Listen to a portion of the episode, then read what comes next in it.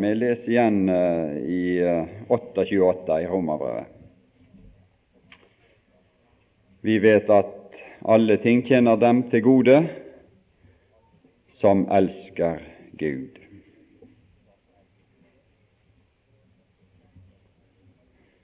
Og Så var det spørsmål hvem Gud hadde produsert dette resultatet i. Hvem var det? Hvem er disse som elsker Gud?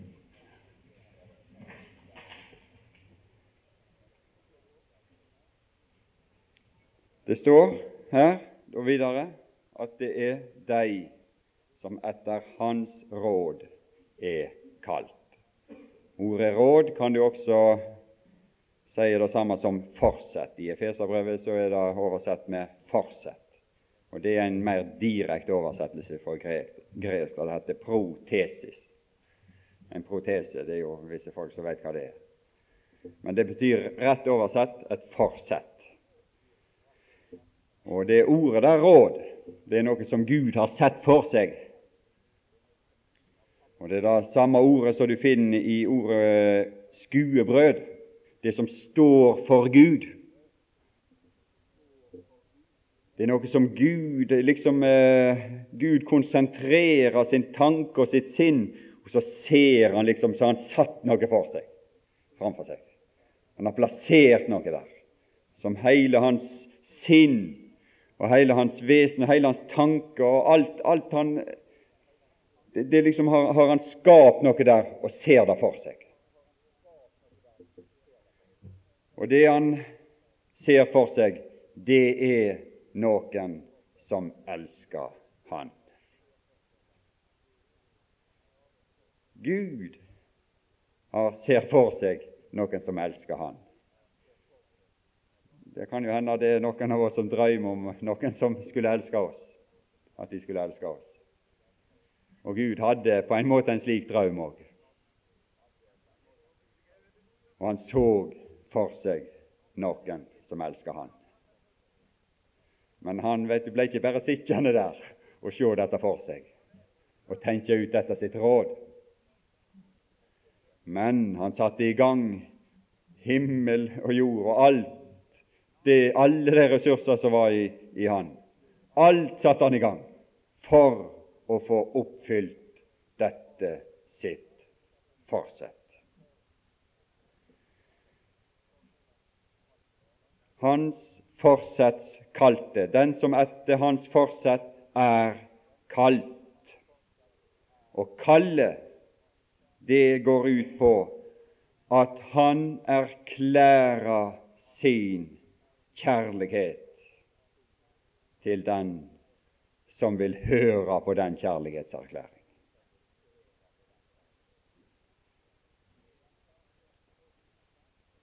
Og den kjærlighet som vi leser om her, dem som elsker Gud, det er de som har gitt sitt gjensvar på Hans kjærlighetserklæring, som vi leser i kapittel 9 og i vers 25 om henne som ikke er elsket, vil jeg kalle. Her har du hans fortsetts kall. Henne vil jeg kalle min elskede. Vi kan se i profeten Hoseas at bak denne erklæring, denne kjærlighetserklæring, så ligger det et hjerte. Det står i kapittel 11. Jeg skal ikke lese det nå. Og det står litt seinere òg. Der ligger det et hjerte.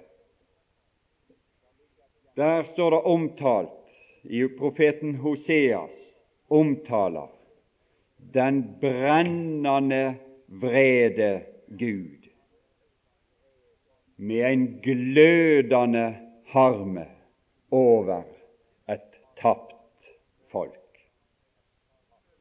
som har vendt seg bort ifra han, som har neglisjert han, som ikke har brydd seg om han, som har inngått helt andre forbindelser enn han.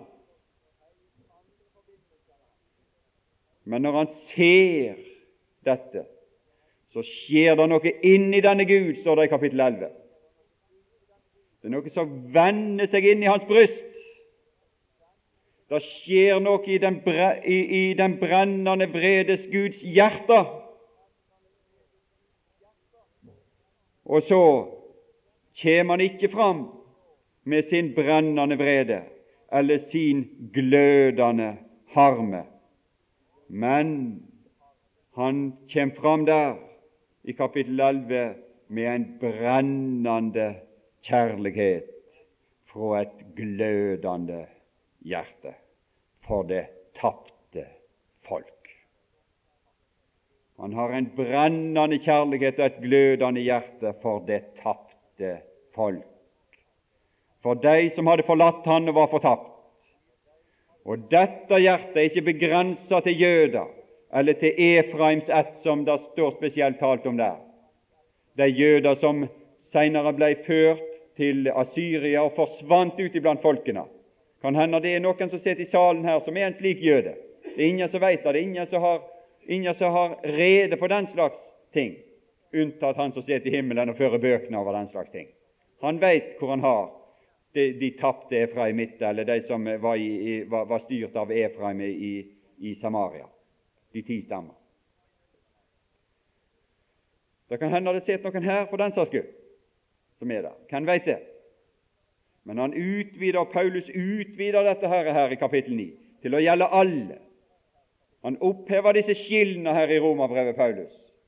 Og så sier han en, også av hedninger, jøder, enten de var av judaet eller var disse som hadde gått bort og, og, og blitt opptatt i folkene fra Nordriket, fra Samaria, eller også av hedninger. De var tapte, de òg en gang. De hadde gått tapt foran de òg en gang. Skulle ikke Gud ha kjærlighet til dem? Skulle Gud bære kjærlighet til de som var gått ut av Abraham etter kjødet? Skulle ikke Gud ha kjærlighet til alle? Det er det han skulle ha. Det var det han hadde. Og dette glødende hjertet kaller meg i Romerbrevet 9 og vers 25. Så går han ut, og så kaller han på meg, og så tiltaler han meg, og så spør han etter meg, og så tiltaler han meg som sin elskede. Og det er dette kall som makter det under å omvende mitt kalde og harde og bortvendte hjerte, slik ved at Hans ord går inn i mitt hjerte i kapittel 10. Så går dette ordet inn i mitt hjerte. Ordet fra Guds hjerte går inn i mitt hjerte i kapittel 10. Og Så begynner det å gjøre en gjerning der. Så blir, det, så blir dette ordet trådd i mitt hjerte. Og så åpner Gud ved evangeliet min munn, som han lukka i kapittel 3 og vers 19 ved loven. Der ble munnen lukka. Det var ikke noen som hadde noe å si. Men denne lukka munn åpna Gud i kapittel 10 ved evangeliet, slik at jeg begynner å si noe, og så kommer det noe utover min munn. Herre Jesus.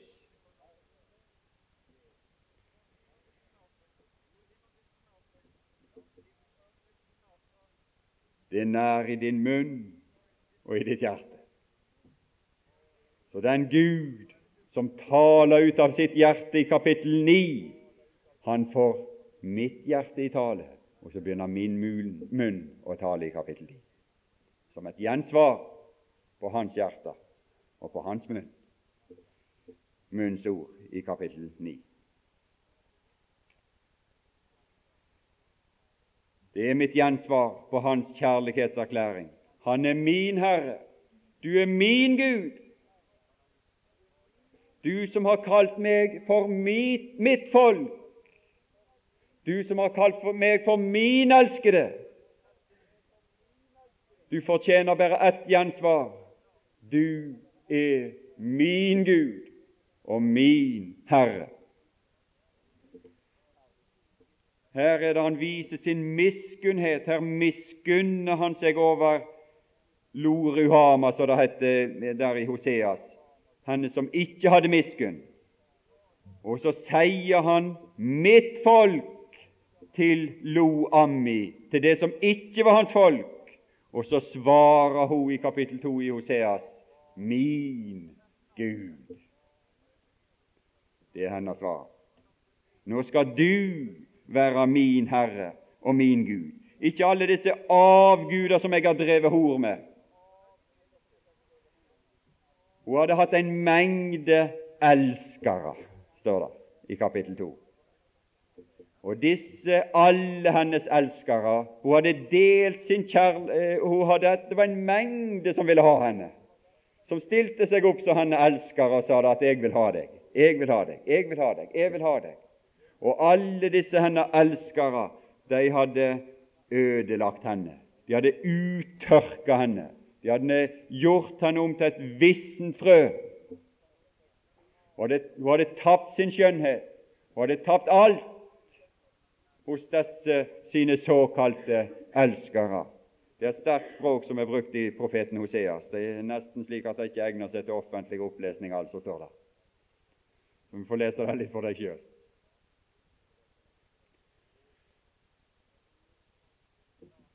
Hun var ødelagt av sine elskere, og det skulle bli åpenbart for alle at hun var ødelagt. Og i kapittel 3 og vers 1 i Hoseas så står det at hun hadde elsket deg. Hun hadde gitt sin kjærlighet til deg. Hun hadde avvist den Gud som hadde skapt henne, som hadde født henne, som hadde tatt, dratt omsorg for henne, som hadde gitt alt for henne, som hadde elsket henne. Hun hadde avvist han, neglisjert hans ord, ikke brydd seg om hans samfunn, ikke brydd seg om det han sa, men søkt andre ting og fulgt sine lyster, fulgt sine instinkt og sine begjæringer og sin vei.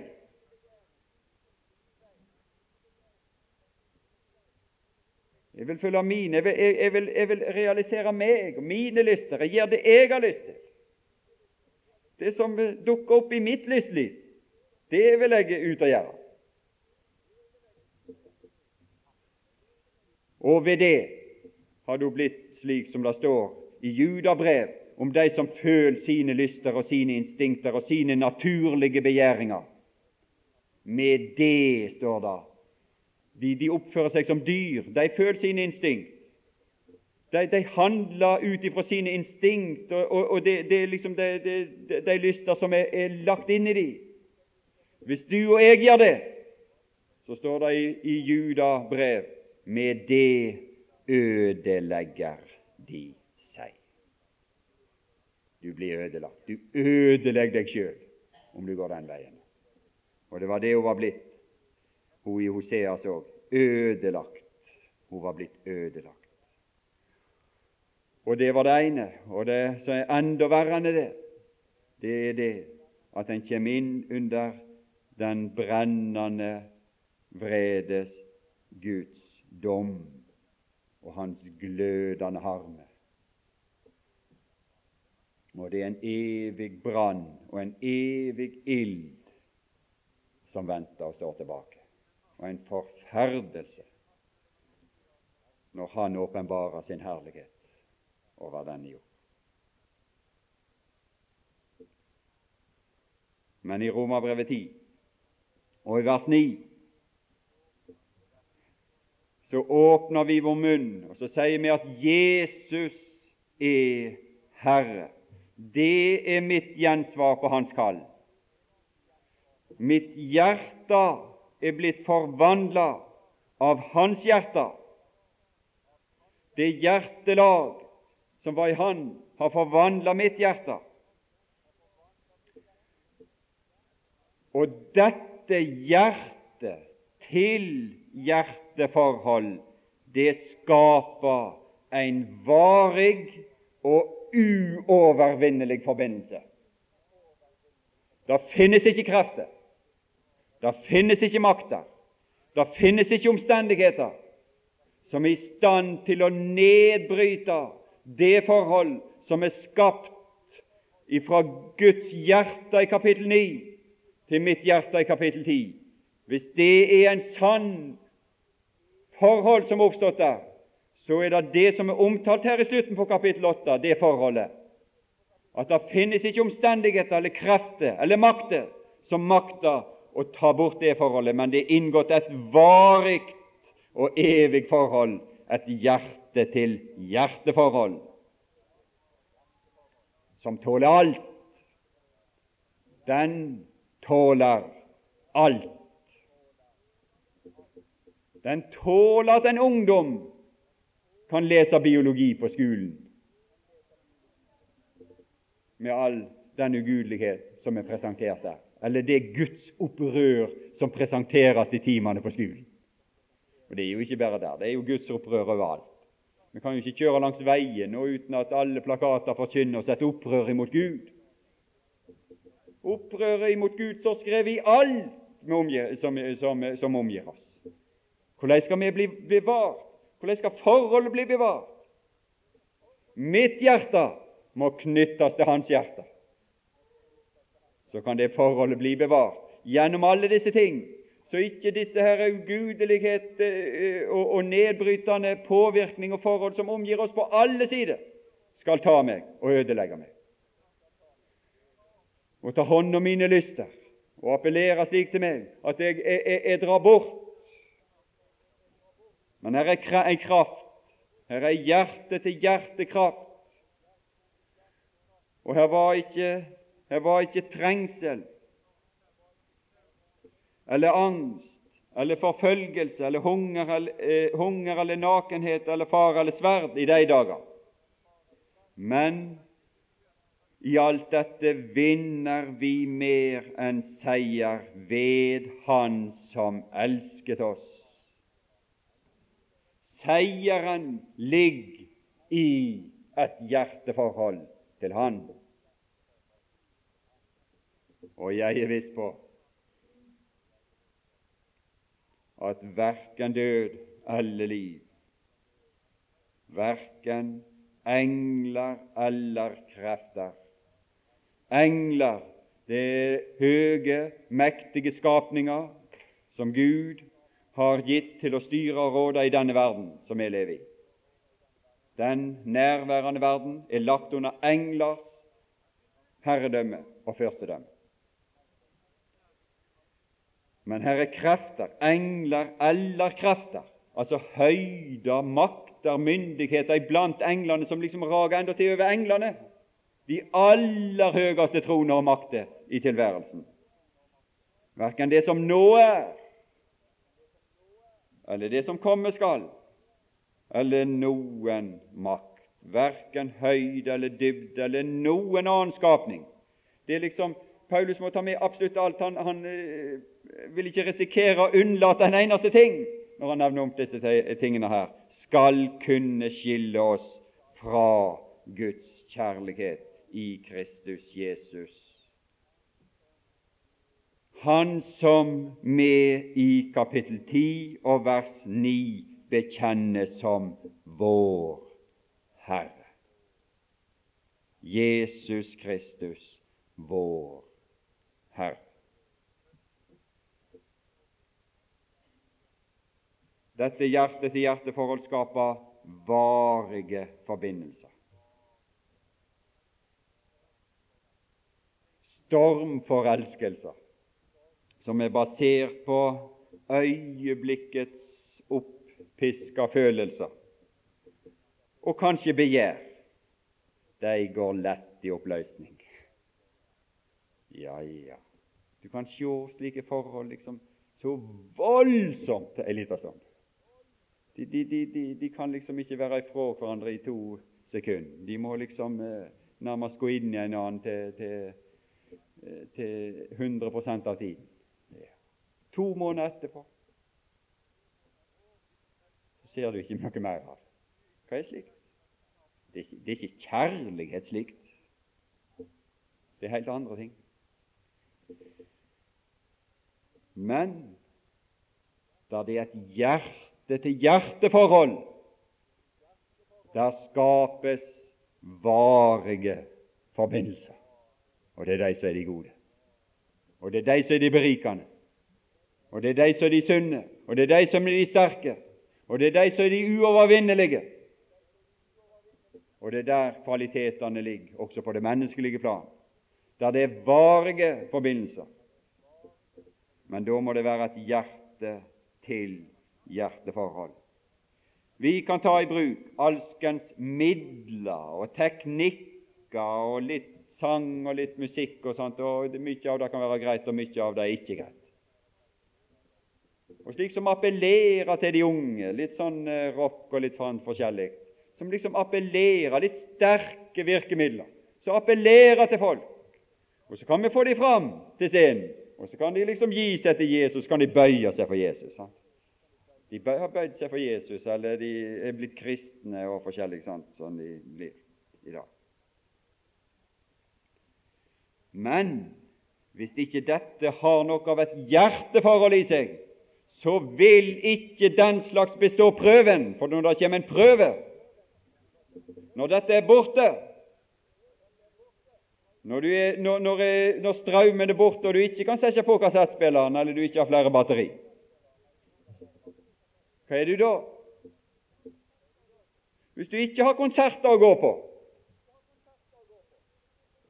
hvis du blir slått ut og det ikke er en eneste konsert, hva er du da? Og du ikke har noe av disse stemningsfulle møter å gå på, hva er du da? Hva er du da? Det er det du må spørre. For det er det du er da du egentlig er. Og det er her disse tingene Hvem kan skille oss fra Kristi kjærlighet? Kan slike ting, når alt dette andre er borte, kan det skille oss da ifra Kristi kjærlighet?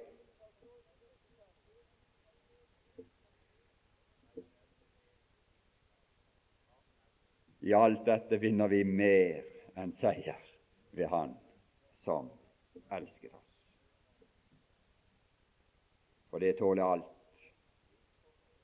Og et slikt forhold, dette robuste, varige forhold som tåler alt, det skapes bare ved det som i ti åtta heter troens ord, det som vi forkynner. Det skal en forkynnelse til det er troens ord, det er et ord ifra Gud, det som kalles her for evangeliet. Denne er kjærlighetserklæring fra Gud, den må forkynnes.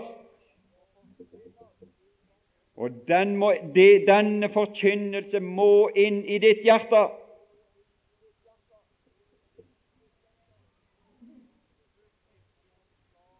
Og så kan den skape ei tro i ditt hjerte som skaper denne bekjennelse, denne sanne bekjennelse. Så det står her dersom du med din munn bekjenner, og ordet 'bekjenner' der det, det er, betyr å si det samme som. Å si det samme som. Hva er det du skal si det samme som? Du skal si det samme som troens ord, som vi forkynner, som forkynner Kristus og som forkynner Kristus som Herre. Derfor er det at vi bekjenner at Jesus er Herre, for det er nemlig forkynnelsen, troens ords innhold.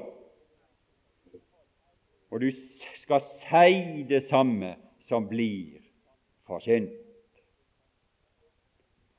Det skapes nemlig det, og så kommer det utover dine leper. Herre Jesus. Og det er når dette er en sann bekjennelse, når det er en realitet i dette, at Jesus er Herre, som viser seg i deg, at du søker Han, at du er interessert i Han, at du er interessert i å underkaste deg Han. Du er interessert i det Han sier. Det er jo Hans ord du vil høre, ikke av det? Han som elsker deg. ikke det hans stemme du vil høre. Det er vel hans ord du vil høre. Det vel han du søker. Det vel han du søker samfunn med, han som elsker deg. ikke det slik? Det er vel hans samfunn du lengter etter, ikke alt dette andre. Det er mange, det går godt an å si Jesus er Herre med, med, med, med, leppene sine. sant? Det kan alle si, alle kan lese det, det opp og si det. Og det, det, er blitt et slagord i dag, og du har det på bilene og på jakkemerket, og jeg vet ikke hvor du ikke har det. Jesus er Herre. Men det hjelper jo ikke det hvis ikke dette er en bekjennelse som kommet fram på dine leper ut ifra ditt hjerte. Og Det er kun det som det er tale om her. Denne bekjennelse som det er tale om her, det er noe som er kommet fram ut ifra ditt hjerte, å den som påkaller Herrens navn når du ikke har noe annet å gå til. Du har ingen mulighet, du har ingen alternativ, du har kun Han. Så har du bare, sier du, Herre, frels. Det er liksom det er ikke noen som kan hindre deg at du sier det. Det har vært som en Paulus utenfor Damaskus. Han sa, 'Hvem er du, Herre?' Det var ingen som hadde liksom tvung i og for seg sagt at 'nå skal du si Jesus er Herre'. Det bare kom der. Det var en makt i hans indre ved møtet av denne skikkelse som, som gjorde det til eh, denne bekjennelse i han. Det var noe som kom utover hans lepe og utover hans munn, denne bekjennelse. Hvem er du, Herre? Og så skjedde det noe i han, kan du være sikker på fra, den, fra det øyeblikk. Og så søkte han noe helt annet enn det han hadde søkt. Så ble det en total forvandling i hans liv. Og Så var det en, stor, det kan det stå som en overskrift over hele denne mannens liv. Hvem er du, Herre? Hele hans begjær, hele hans liv, all hans søken gikk ut på å kjenne Jesus, kjenne hans vilje, kjenne hans person, være sammen med han, søke han, tjene han, være i hans nærvær. Alt i han, det gikk ut på å lære han å være sammen med han og kjenne. Og Det er denne bekjennelse som står omtalt her, som gir seg noe av dette utslaget i våre liv. Og da blir det varige forhold, kan du være sikker på. Velge ut sine dvs. Si de som svarer på hans kall. Og det er disse han har forutbestemt til sin helliggjørelse og sin herliggjørelse. Og det har han gjort på tross av deres svakheter og begrensninger og utilstrekkeligheter på alle områder, som Paulus har behandla tidligere i brevet her. Han er fullt klar over at det er en mengde utilstrekkeligheter. Han er fullt klar over at så lenge vi er i kjødet, så er det begrensninger på alle plan i oss. Det er det, det, det, han taler om i versene framfor vers 28 i Romerbrevet 8. Det som står framfor der. Det, han, han, han, tar skapningen til hjelp og, og, og ser på alle begrensningene, alle, alle svakhetene i skapningen. Og Så tar, han, den til hjelp for å forklare at det er en rekke begrensninger, en rekke svakheter, en rekke utilstrekkeligheter i meg. Men disse utilstrekkeligheter i meg, de vet Gud overvinner, og de kan Gud håndtere, og de kan Gud med, så lenge jeg vil høre på Han, så lenge jeg vil være i samfunn med Han, så lenge jeg vil la Hans stemme tale til meg. Så vil Han føre oss gjennom alle disse ting. Og så vinner vi. Det er seierslaget, det. Navnet på seierslaget, det heter for Vet du hva navnet på de som vinner? Navnet på laget som vinner. Vet du hva navnet på det vinnerlaget er? Slaktefårene. Det er navnet på vinnerlaget. Alt er snudd opp ned. Gud snur opp ned på alle ting. De er regnet som slaktere. Men det er de som vinner seier. Vinn mer enn seier, står det her. Mer enn seier. De vinner alt. De vinner alt, de. Alt vinner de. Alle ting med Han. Nå går Paulus videre da i kapittel 9 og 10 og 11, og han utlegger for oss og forklarer Guds forsett og Guds råd. Som på en måte det han har sagt her, tilsynelatende så kunne det virke som dette var i strid med Guds utvelgelse av sitt folk Israel, slik som det står omtalt i Det gamle testamentet. Men det som Paulus viser videre her i kapittel 9, det er at Guds utvelgelse den har alltid vært etter det samme mønster. Det er Hans kall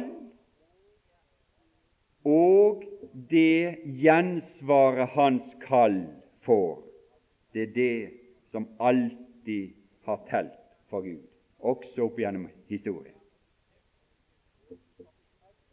Og i kapittel 11 så skal Paulus vise det at til slutt skal dette utvelgelsens mønster og dette Guds forsett også gå opp for hele hans da gjenlevende folk, jødene. Da skal de skjønne ja, men det er jo, det er jo på dette grunnlag. Det er jo den som tror, det er jo den som venner seg til Han, det er jo den som påkaller Herrens navn av bære nåde ut ifra Guds miskunn. Det skal de skjønne. Det skal, det skal skje ting, og de skal bli nidkjære for ting. Og det skal skje ting som gjør at dette vekkes, denne erkjennelse til slutt vekkes også i et samla folk. Når de ser den frelse og nåde Gud har gitt, også til hedningene rundt om i verden i vår tid, så skal det da vekke deres sinn og hu, så de skal påkalle redningsmannen ifra Sion. Og så skal han inngå ei pakt med de, ikke skrevet på steiner, men hvor? Da skal det inngås ei pakt ifra Guds hjerte til deres hjerte. Og Du kan være sikker på det er det som består. Den første pakt bestod ikke lenge. Den var ikke, var ikke før, var ikke før eh, nedtegna før den var brutt. Men den pakt som blir skreven i deres hjerter, den skal bestå i evige tider. Og det er den evige pakt.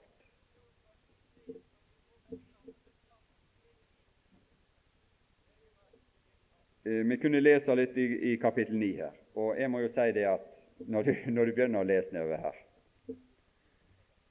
det, det, det, er jo slik at det hagler med henvisninger.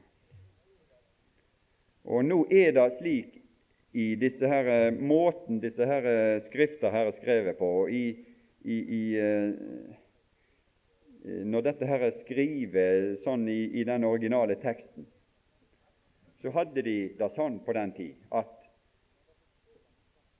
når det ble skrevet en liten sånn henvisning til noe Hvis du skrev et skrift, og så lagde du en sånn henvisning, så forutsatte du at den som leste dette, undersøkte henvisningen og sette seg inn i, eller kunne, alle omstendigheter og forhold omkring den henvisningen.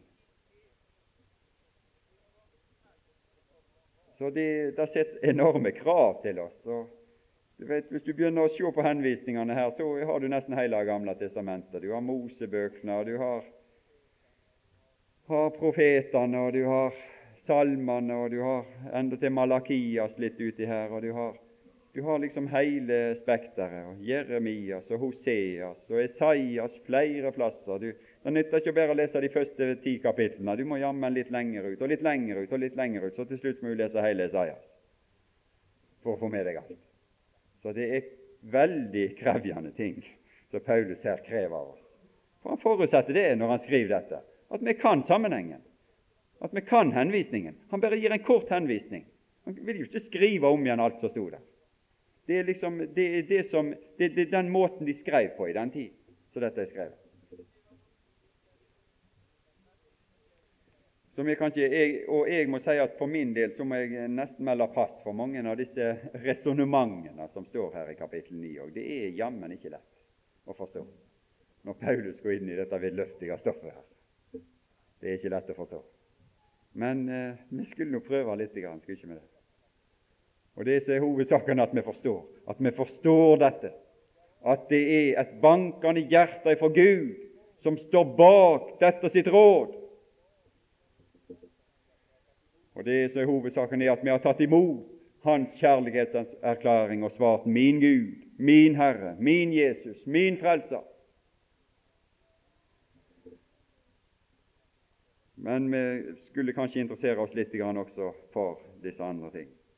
Det står her i vers 6 Han taler, omtaler jo jødene her i, vers 4 og, og 5 om alle det, de som tilhører dem, og de, de enorme privilegier som dette folket har hatt opp gjennom historien. Og likevel så ser vi det at dette folk forkaster hans frelse og vendte seg bort ifra han og forkasta han og gikk sine egne veier, til tross for at løftene tilhørte de som det står i vers 4.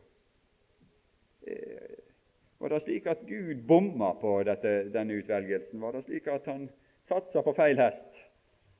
At han eh, liksom ikke var helt klar over hva han gjorde når han utvalgte Abraham og hans ett? Er det slik å forstå? At det var i grunnen et feilskjær, hele greia? Dog, sier han i vers 6, dog ikke som om Guds ord har slått feil. Og Så begynner han å legge ut denne sannheten om levningen, som også er Det gamle testamentets lære om en levning. En levning. Han hadde en brennende interesse at alle skulle bli frelst. Og Gud i sitt hjerte har en brennende interesse i at alle skulle bli frelst. Og han ville gjerne at det også skulle være slik som han står ute på veggen der oppe i matsalen, at verden skulle bli frelst. Så stort var Guds hjerte. Vi kunne jo begynne med naboen eller vår nærmeste familie med, kanskje. Så fikk vi utvide hjertet litt, litt etter hvert. Men samtidig med det så har Gud åpenbart at det er en levning. Det er en levning. Men dette, dette betyr ikke at vi ikke skulle ha hjerter for alle. Og det er Gud velger å ha, for Gud har hjerter for alle. Og det er Gud velbehagelig at Paulus sitt hjerte her det stiger opp seg velbehagelig duft for Herren, hans brennende ønske og bønn og velbehag til Gud for dem er at de må bli frelst. Og Vi leser om, Moses her litt senere òg i, i kapittel 9, som hadde den samme brennende bønn at det tapte folk, det folk som hadde gått tapt rundt avgudskalven, rundt gullkalven, det folk som hadde avviket sin vei og gått tapt der. Det var hans brennende ønske innenfor Guds ansikt at dette folk måtte bli frelst. I, Mose, i 2. Mosebok 32. Og Det står henvist til det her litt seinere. For det er det som Paulus framviser her. Han viser fram sannheten om at det er en levning, at det er de som hører, at det, det, det er disse som, som, lytter, disse som venner seg til Guds kall, at det er de som blir frelst. Og det er slik har det vært til alle tider, og slik vil det bli, og endatil når, når de mange skal bli frelst, så skal det også være at det er det samme mønster, egentlig. Men Gud skal vekke en ny kjærlighet i dem, så de skal søke Han. For ikke alle som er av Israel, setter derfor Israel. Heller ikke alle fordi de er Abrahams ett, derfor hans barn. Men i Isak Abraham hadde andre sønner. Han hadde en Ismael, han hadde vel også andre. I Isak skal det nevnes deg en ett, står det her. Og Ordet 'nevnes' det er det samme som ordet 'kalles'. Igjen er det Guds kall det taler om. I, Israel skal, I Isak skal det kalles deg en ett. Et kall, det er noe som Gud sier, det er noe som Gud utsier. Det er ikke kjødets barn er Guds barn, men løftets barn regnes til ætten. For et løftes ord er dette, ved denne tid vil jeg komme, og da skal Sara ha en sønn. Det var nemlig ikke kjødelige anstrengelser eller kjødelige eh, gjerninger som gav utvelgelse, som gav frelse, men det var tro på løftenes ord. Det var tro på løftet, og det, det, dette, det er dette som blir framheva videre her nede igjennom. Han går videre med Rebekka. Ikke bare dette, men så var det også med Rebekka, hun som var fruktsommelig ved én, Isak, vår far. For da de ennå var ufødte og ennå ikke hadde gjort verken godt eller ondt. Her var det to som var unnfanga ved den samme sæd, i det samme morsliv, på den samme tid, var de inni der. De hadde nøyaktig samme betingelser. De skulle ha så nøyaktig samme betingelser og utgangspunkt som det vel overhodet var mulig. Men utgangen deres ble ikke den samme forutsetningene deres, opphavet, alt var likt med dem.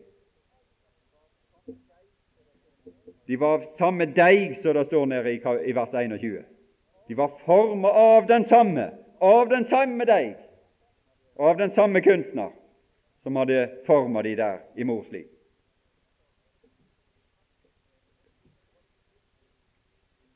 Hva var det som skilte de? Var den ene så mye snillere og så mye bedre enn den andre. Han så mye, var så mye greiere, han ene enn den andre. Var det det som skilte dem? Nei, det var så langt, langt, langt ifra det. Jakob taler han om som en ussel makk. En ussel makk var han. En usling på mange måter.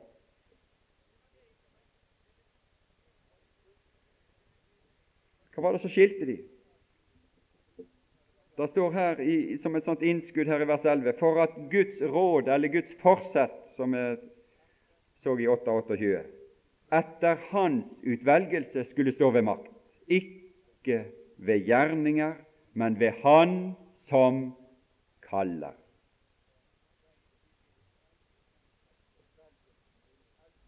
Utvelgelsen i 11.5 kalt for en nådens utvelgelse. Det er ikke ved gjerninger, det er ikke ved prestasjoner, det er ikke ved anstrengelse av den type art, men det er en som kaller.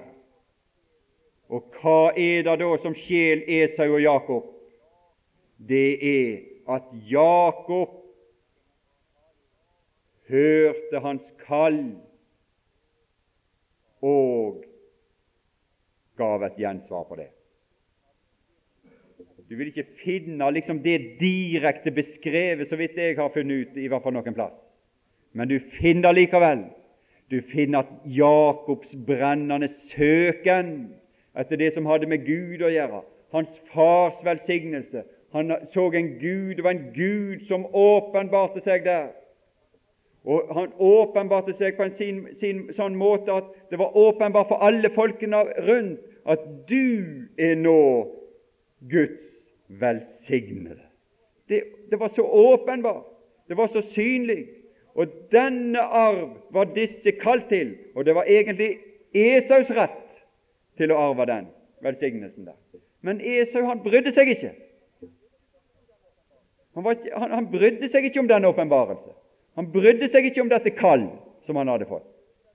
Men Jakob søkte dette kall, og Esau kalles for en horkar i, i, i Hebreabrevet 12, og en vanhellig som for disse nærværende ting han fulgte sine lyster, sine begjæringer, det som han synes var kjekt å holde på med. Som, han, han fulgte sitt lystliv, mens Jakob søkte inn til Gud, til hans første fødselsrett og til Israels Guds velsignelse, Jakobs, eh, Isaks Guds velsignelse. Det søkte han. Og denne søken, dette kall ifra Gud, det at han viste den interesse for dette kall, det behager Gud. Og så uttaler Gud sin kjærlighetserklæring over Jakob i, Malaki, i profeten Malakias når han sier 'Jakob elsket jeg'. Men Esau hatet jeg. Ordet, det, hatet der betyr å sette til side. Og Det er det han tar fram for Israels barn òg i den siste profet i Det gamle testamentet. Når han tar fram dette eksempel og sier at slik er det, det har ikke brydd dere, og det er som Esau, det. Til tross for at det skulle være som Jakob, så er det som Esau. De har ikke brydd dere, de har gått deres egne veier. De har vanskjøtta mitt kall. De har vanskjøtta mitt ord. De har vanskjøtta mine forskrifter. Men det var noen i kapittel 3 som, som var interessert i Herren. Og så vil han i kapittel 3 kalle dem for sitt folk. Det, sier han, er mitt folk. Og så kaller han igjen i profeten Malakias disse for mitt folk, mitt eiendomsfolk, sier han om disse, som talte om Herrens ting, og som var interessert i hans stemme og det som han, det som han valgte med.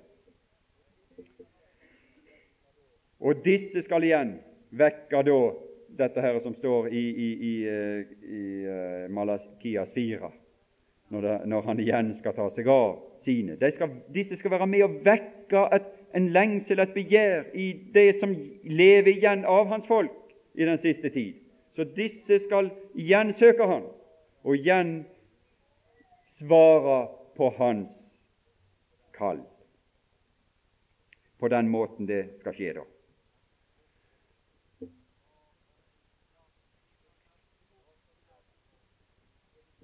Hva skal vi da si? Er, Gud, er, det, ur, er det vel urettferdighet hos Gud? Langt derifra. For til Moses sier han 'Jeg vil miskunne meg'. Og Det er første gang det uttrykket er brukt i Romerbrevet. Og her går Paulus inn, og inn i Guds hjerte og inn i, Guds, i dybdene i Gud. Og så drar han fram i lyset en egenskap i Gud som er den grunnleggende egenskap som gjør at vi i det hele tatt har fått dette kall. At han i det hele tatt kunne vende seg til oss som var tapt. For det var en egenskap i han som heter miskunnhet. Og det er utelukkende ut ifra denne egenskapen miskunnhet at han igjen tok seg av oss. For denne side ved Gud gjorde at han ikke kunne la det skje som han hadde uttalt, nemlig at alle måtte dømmes å gå tapt. For det var det som var, var dommen. Hvis du leser i 2. Mosebok 32, så ser vi at, at dette sitatet her i, i kapittel 9 og vers 15 eh, det er sitert fra 2. Mosebok 33. Men 2. Mosebok 33 står jo naturligvis i sammenheng med 2. Mosebok 32. Og du vet hva som skjedde i 2. Mosebok 32. Der var, hadde dette folket lagd gullkalven. Hele folket var med på den saken der. Alle var med på den saken der. Med Aron i spissen så støper de en gullkalv, og så setter de i gang med sang og med dans og med vitnesbyrd om at 'dette er din Gud som førte deg opp ifra Egyptens land'. De hadde ord, et slags vitnesbyrd om en Gud som hadde frelst dem. Men gudsbildet deres var totalt ødelagt og forvrengt. De sto opp for å leke, de satte seg ned for å ete og for å drikke, men deres vei var forderva. Og så fikk de dette folk med, med den dom som var over dem for dette. Hele dette folket fikk seg en forbeder i Moses, og Moses ba på samme måten som Paulus ber her i Romerbrevet 9 og 10. Så ba Moses, og i vers 32-32 Å, om du ville forlate dem deres synd, men hvis ikke, da slett meg ut av din bok som du har skrevet. Det var velbehagelig for Herren, denne bønn. Men han ble ikke bønnhørt i denne bønnen. Da sa Herren til Moses, hver den som har syndet mot meg, ham vil jeg slette ut av min bok. Du, jeg sletter ikke deg ut av min bok. Og, og, og Paulus han hadde skjønt så mye, han, at han ville ønske at han sjøl var forbanna bort ifra Kristus. Men han skjønte såpass at det kunne ikke skje. Det kunne ikke skje at han ble forbanna bort ifra Kristus. Det var ikke slik det skulle skje. Men dette ønsket det bare sier noe om hvor langt disse personene er kommet i sitt forhold til Gud. Og Det, det, det, det er liksom dette som er et mål for oss egentlig. For Gud å få oss så langt at vi har slike ønsker, og at vi, at vi kan be som Abraham over Sodoma. Abraham ble heller ikke bønnhørt på en måte over, i, i, sine bønner over Sodoma. Men det var velbehagelig for Gud, det hjertelaget som han hadde. For det er Guds hjertelag, det er Guds sinn. Men realitetene i denne verden er en annen. Det var Guds hensikt å frelse noen av disse tapte, som alle hadde fortjent å gå fortapt, som alle hadde fortjent å bli sletta ut og bort. Og Det er det han sier i kapittel 33, som Paulus siterer, når han sier at 'jeg vil være nådig' i vers 19 mot den som jeg er nådig mot, og miskunne meg over den som jeg miskunner meg over. Og det er alle disse som, når han forkynner sin miskunn, tar imot hans miskunn. Men vi skulle alle være slike forbedere. Det er noen eh, som ber for sine barn, og det er noen som ber for sine ektemaker, kanskje, og det er noen som ber for sin slekt. Og det er noen som har fått, jeg har, jeg har, møtt mennesker som har fått det for seg det at ja, men når jeg ber om at den og den skal bli frelst, så er det jo ei bønn etter Guds vilje. Og Det er jo klart, det. Han vil at hei, alle, hele verden skal bli frelst. Det er bønna til Guds vilje. Og det er velbehagelig at du ber. Men Paulus sier i 1. Korinterbrev 7.: Hva vet du, hustru, om du kan frelse din mann? Eller hva vet du, mann, om du kan frelse din hustru? Du veit ikke det. Men du bør Ditt liv og din bønn og din ferd bør være slik at du gjør alt for å vinne din ektemake. Du bør sette alt inn på å vinne din ektemake. Både himmel og jord i bevegelse for å vinne din ektemake. Men hva vet du, hustru? Du veit ikke. Men dette sinnelag og ønsket å vinne de er velbehagelig for Gud. Men de kan kun vinnes ved at de sjøl svarer, gir sitt gjensvar på Herrens miskunnhet, Herrens kall. Det må de sjøl gjøre. Det kan ikke du gjøre for dem. Det er umulig at en annen gjør for dem. Det må de gjøre sjøl. Men du bør påvirke Gud, og du bør påvirke alle, og du bør påvirke så slik så godt vi kan at det måtte skje, at Gud kaller på dem og kaller på dem og kaller på dem. Ja, jeg får gi meg her nå. Det ser tiden har gått. Det, det er slik at nedover her så er det saken den at det ikke er kjødelige anstrengelser. Det står ikke til den som løper, den som går ut og liksom begynner og har lagt seg i hardtrening og, og sånt og begynner å løpe på rennebanen. Det står ikke det. Det er ikke den slags kraftanstrengelser som det er tale om her men til Gud som gjør miskunnhet. Og det er det, det han taler om her, en miskunnhet og et kar til miskunnhet. Og så går Paulus like tilbake til Edens hage, der, der den store pottemakeren var i gang. Når han tok leiren som han hadde laga, og så lagde han dette legemet. Så lagde han denne slekt. Og så ble det et kar til ære og et kar til vanære. Men så viste han Så ble, ble, ble hele denne slekt ødelagt. Så, så ble hele denne slekt misdanna. Ja, skal vi anklage Gud for det? At at Adam ikke ville. Han, han gav han et hjerte. Han gav han et hjerte som han ønsket sin respons for, og så ville, ville de lytte til andre stemmer, så ville de gå en annen vei. Skal vi anklage Gud for det? Det er mange som anklager. Hvem er da du, menneske, som tar til gjenmæle imot Gud? Det er mange som, som, som, som er misfornøyd med at Gud skapte Adam slik. Men han gjorde det. Men han, har, han førte inn et annet legeme i denne verden. Et legeme laget du for meg, så var pottemakeren i aksjon igjen. Og så kan du se på det legemet. Så kan du se på det kar. Å gjøre din vilje, o Gud, var min lyst. Og så åpenbarer Han som kom i kjød, seg i, i, i, i syndig kjøds lignelse. Og så kan du se et kar som er lik det første kar, som utvendig er nøyaktig lik det første kar. Og så kan du se det liv som utfolder seg i det kar.